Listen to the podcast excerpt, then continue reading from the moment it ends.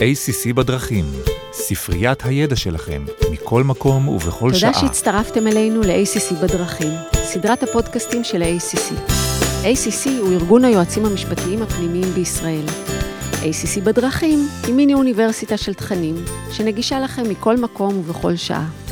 אני עורכת דין מירב לשם, ואיתי נמצאת עורכת דין ורד פיליחובסקי, שותפה במשרד AYR, אמה רייטר, ז'אן שוחטוביץ' ושות'.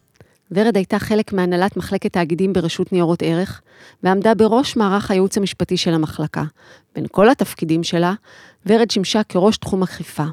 ולכן, אין מתאים יותר ממנה כדי לספק לנו תובנות על פסק הדין שניתן לאחרונה בעניינו של יגאל אהובי, בעל השליטה לשעבר בחברת רבד.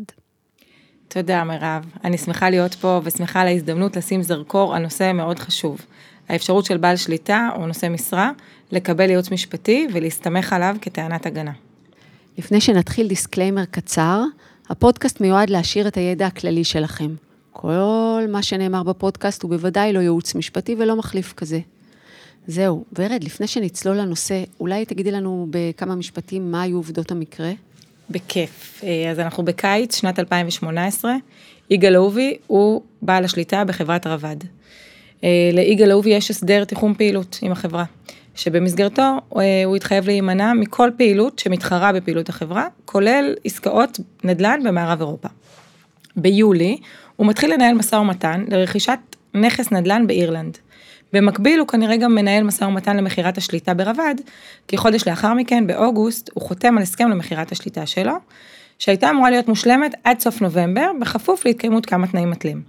בתחילת נובמבר, כלומר כשהוא עדיין בעל שליטה, אבל עם רגל אחת בחוץ, נחתם הסכם רכישה, והוא משלם פיקדון של 4 מיליון יורו.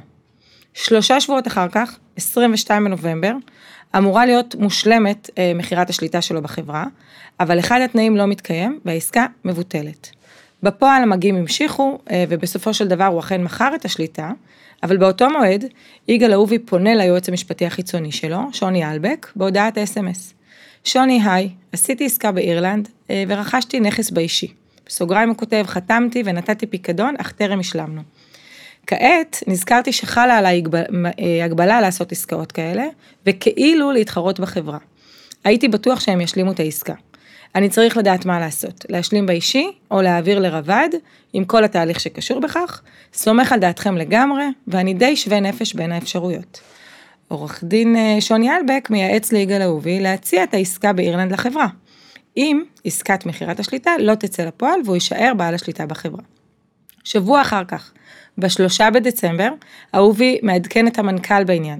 ובסופו של דבר רק ביום 30 בדצמבר, אגב דיון לקראת פרסום תשקיף מדף של החברה, הדירקטוריון עודכן על העסקה באירלנד, כשבינתיים עסקת הרכישה הושלמה. אהובי הסביר לדירקטוריון שהוא התקשר בעסקה ולא דיווח על זה, כי הוא חשב שמכירת השליטה תושלם. אך היות שמכירת השליטה מתעכבת, אם היא לא תושלם תוך שבועיים, היא תוצא לחברה. החברה מפרסמת דיווח מיידי עם אותו הסבר, ואחרי התערבות של הרשות, היא מפרסמת דוח משלים, שבו כבר נאמר במפורש שהעסקה תוצא לחברה גם אם השליטה תימכר. רק בשביל להשלים את התמונה, בינואר נחתם תיקון להסכם מכירת השליטה, והשליטה אכן הועברה בסופו של דבר בפברואר. קודם לכן, יגאל אהובי הציע את העסקה לחברה, ועדת הביקורת והדירקטוריון אישרה אותה, אבל האספה דחתה אותה, כך שבסופו של דבר עסקת אירלנד נשארה אצל יגאל אהובי. אז אם אני עושה סדר בעובדות, יגאל אהובי היה עדיין בעל השליטה בחברה, אבל היה במגעים למכירת השליטה. בזמן הזה הוא חתם על העסקה, אבל כשהוא ראה שעסקת מכירת השליטה נדחית, הוא דיווח לבורד והציע את העסקה לחברה. נכון, אבל תשימי לב, המשא ומתן על העסקה התחיל לפני שנחתמה העסקה למכירת השליטה, והעסקה נחתמה כשהשליטה עוד לא עברה, והושלמה כשלא היה אפילו הסכם תקף למכירת השליטה. הפנייה לייעוץ המשפטי נעשתה רק כשהתברר שמכירת השליטה לא יוצאת לפועל. וזה שלושה שבועות אחרי ההתקשרות בעסקה, ואחרי תשלום פיקדון של 4 מיליון יורו. רק שבועיים אחר כך, אחרי שעורך הדין כבר אמר שצריך להציע את העסקה לחברה, המנכ"ל מעודכן. הדירקטוריון קיבל דיווח על כל העניין רק חודש אחרי השיחה עם עורך הדין. כל זה הביא כמובן לאיחור בדיווח לציבור על העסקה, שבוצע בניגוד להסדר, להסדר תיחום הפעילות. ועדת האכיפה של הרשות ובית המשפט הכלכלי, שאליו אהובי עתר, קבעו שהדיווח המאוחר הוא הפרה של חובת הדיווח ברשלנות חמורה. ועל זה הדיון שלנו. כל הנושא הזה של התחרות, של התחרות של בעל עניין בעסקי החברה הוא נושא מאוד מעניין, מאוד מורכב.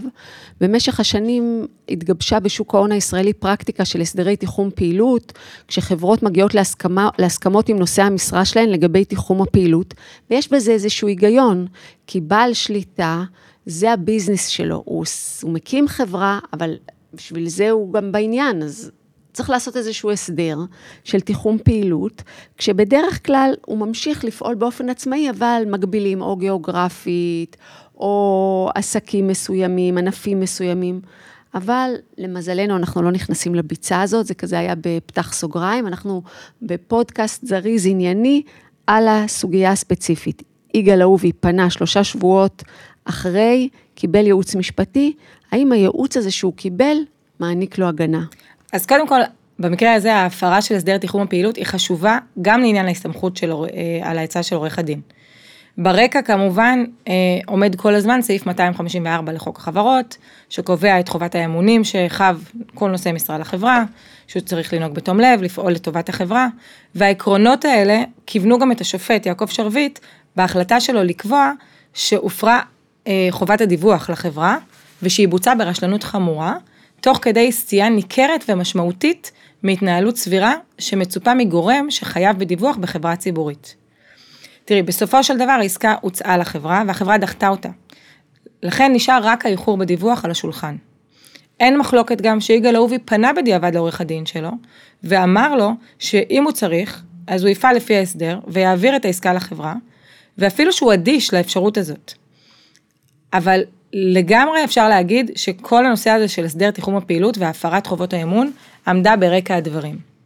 בית המשפט אמנם לא קבע שיגאל אהובי פעל בחוסר תום לב, אבל הוא כן קבע שחלק מהרשלנות החמורה נבע מכך שהוא הסתיר את המידע ולא דיווח אפילו לאורגנים בתוך החברה על העסקה לאורך תקופה ממש לא קצרה.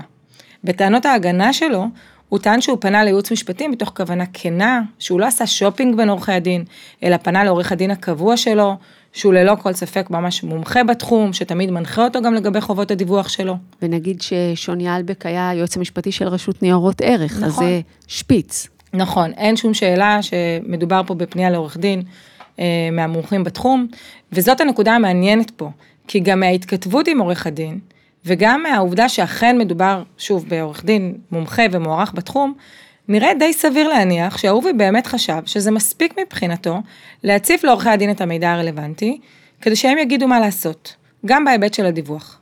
אבל הרשות והוועדה המנהלית וגם בית המשפט לא היו מוכנים לקבל את זה.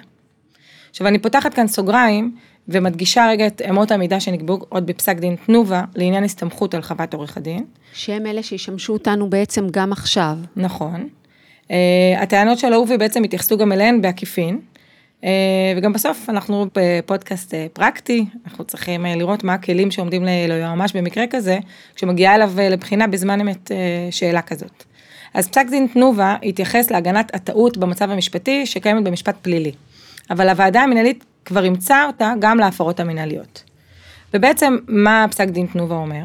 הוא אומר שכדי להסתמך על אה, עצת עורך דין, אז קודם כל מבחינה סובייקטיבית צריך לראות שהטעות של הנאשם, או במקרה שלנו של המפר, צריכה להיות טעות כנה ובתום לב. מבחינה אובייקטיבית, הטעות הזאת צריכה להיות בלתי נמנעת באורח סביר.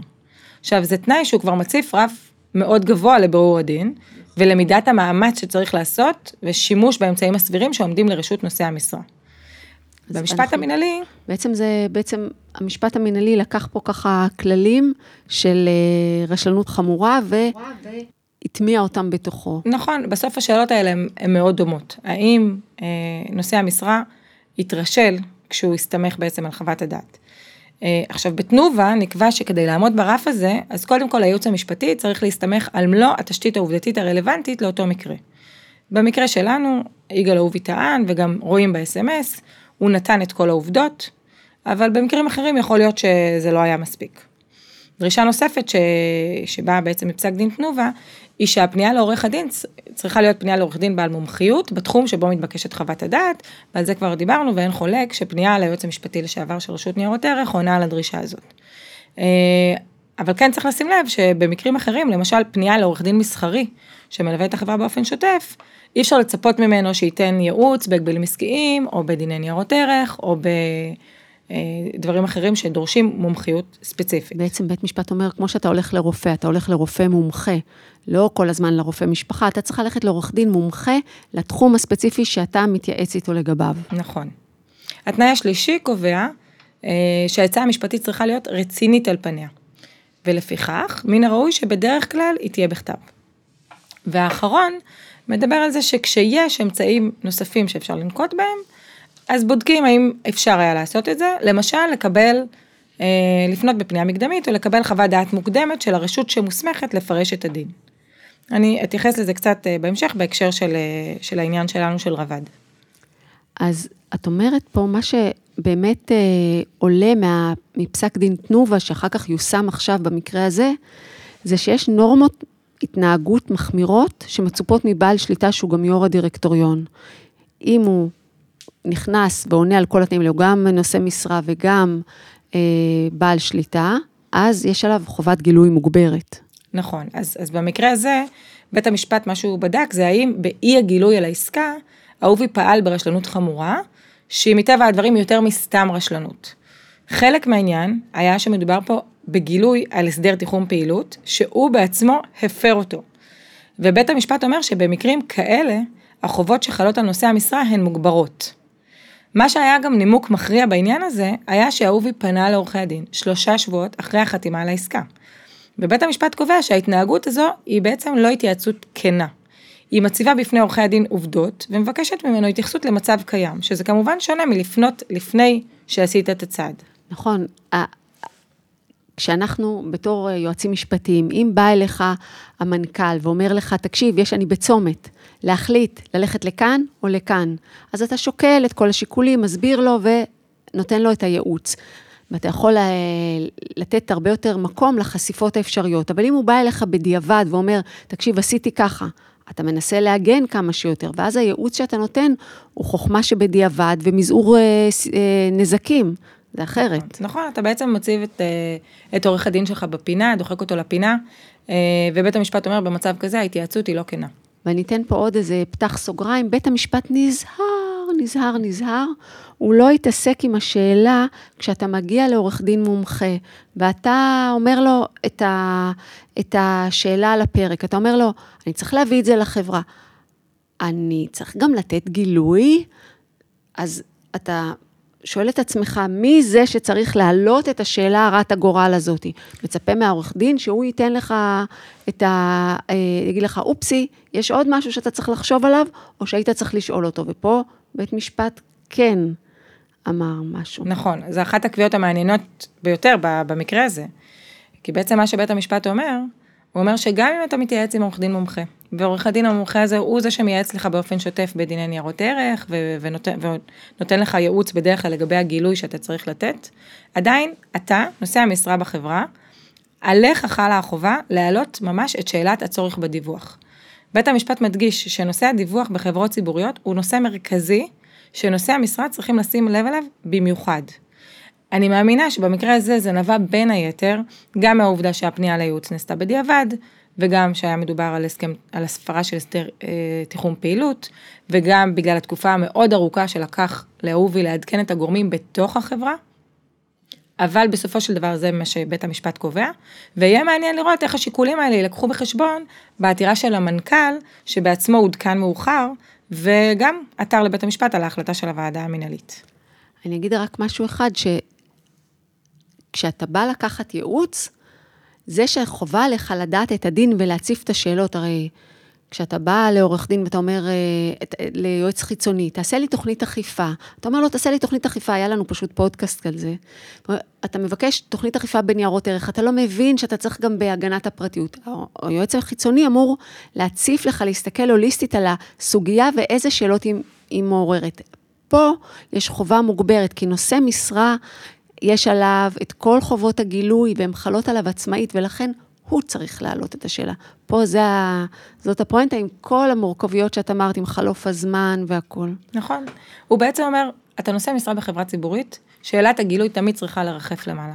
כל דבר שאתה עושה, כל דבר מהותי שקורה בחברה, כל דבר שאתה פונה לייעוץ המשפטי לגבי כל שאלה אחרת, תמיד תחשוב האם אתה גם צריך לדווח על זה, ותשאל את עורך הדין אם אתה רוצה בדיעבד להגיד שהסתמכת על העצה אם שלי. יש ספק, אין ספק, לך ת- תרים את הדגל ותשאל בכתב. נכון. אז בוא, ככה, בגלל שאנחנו תמיד אוהבים לתת ליועצים המשפטיים שלנו שתקועים בפקקים, ככה סל עצות פרקטיות לסכם את העניין ככה שינעץ בראש. את יושבת עם המנכ"ל, המנכ"ל מגיע אלייך, יו"ר הדירקטוריון מגיע אלייך, מבקשים ייעוץ על, אה, על, אה, לגבי עסקה שהולכת להגיע לדיון בבורד, או לא משנה, אתם הולכים ליועץ, לעורך דין חיצוני בתחום. מה הם כללי הזהב שינחו אותך, כדי שגם את, גם הוא, כולם יהיו מוגנים? אז הכללים האלה בסך הכל הם מאוד ברורים ופשוטים. קודם כל, כמו שאמרנו, פנייה לייעוץ משפטי בענייני דיווח צריכה להיעשות לעורך דין מומחה בתחום, ותמיד מראש ולא בדיעבד. לפני שאנחנו מתקשרים בעסקה שעליה אנחנו אה, שואלים האם לדווח. דבר שני, זה שפנייה לייעוץ משפטי בחובות דיווח צריכה להיעשות באופן קונקרטי ולהתייחס באופן קונקרטי לשאלה האם יש צורך בדיווח, וזה התפקיד של נושא המשרה שפונה לייעוץ. נקודה נוספת היא שיש לקבל את הייעוץ המשפטי בכתב ולא בעל פה, ככל שניתן לעשות את זה.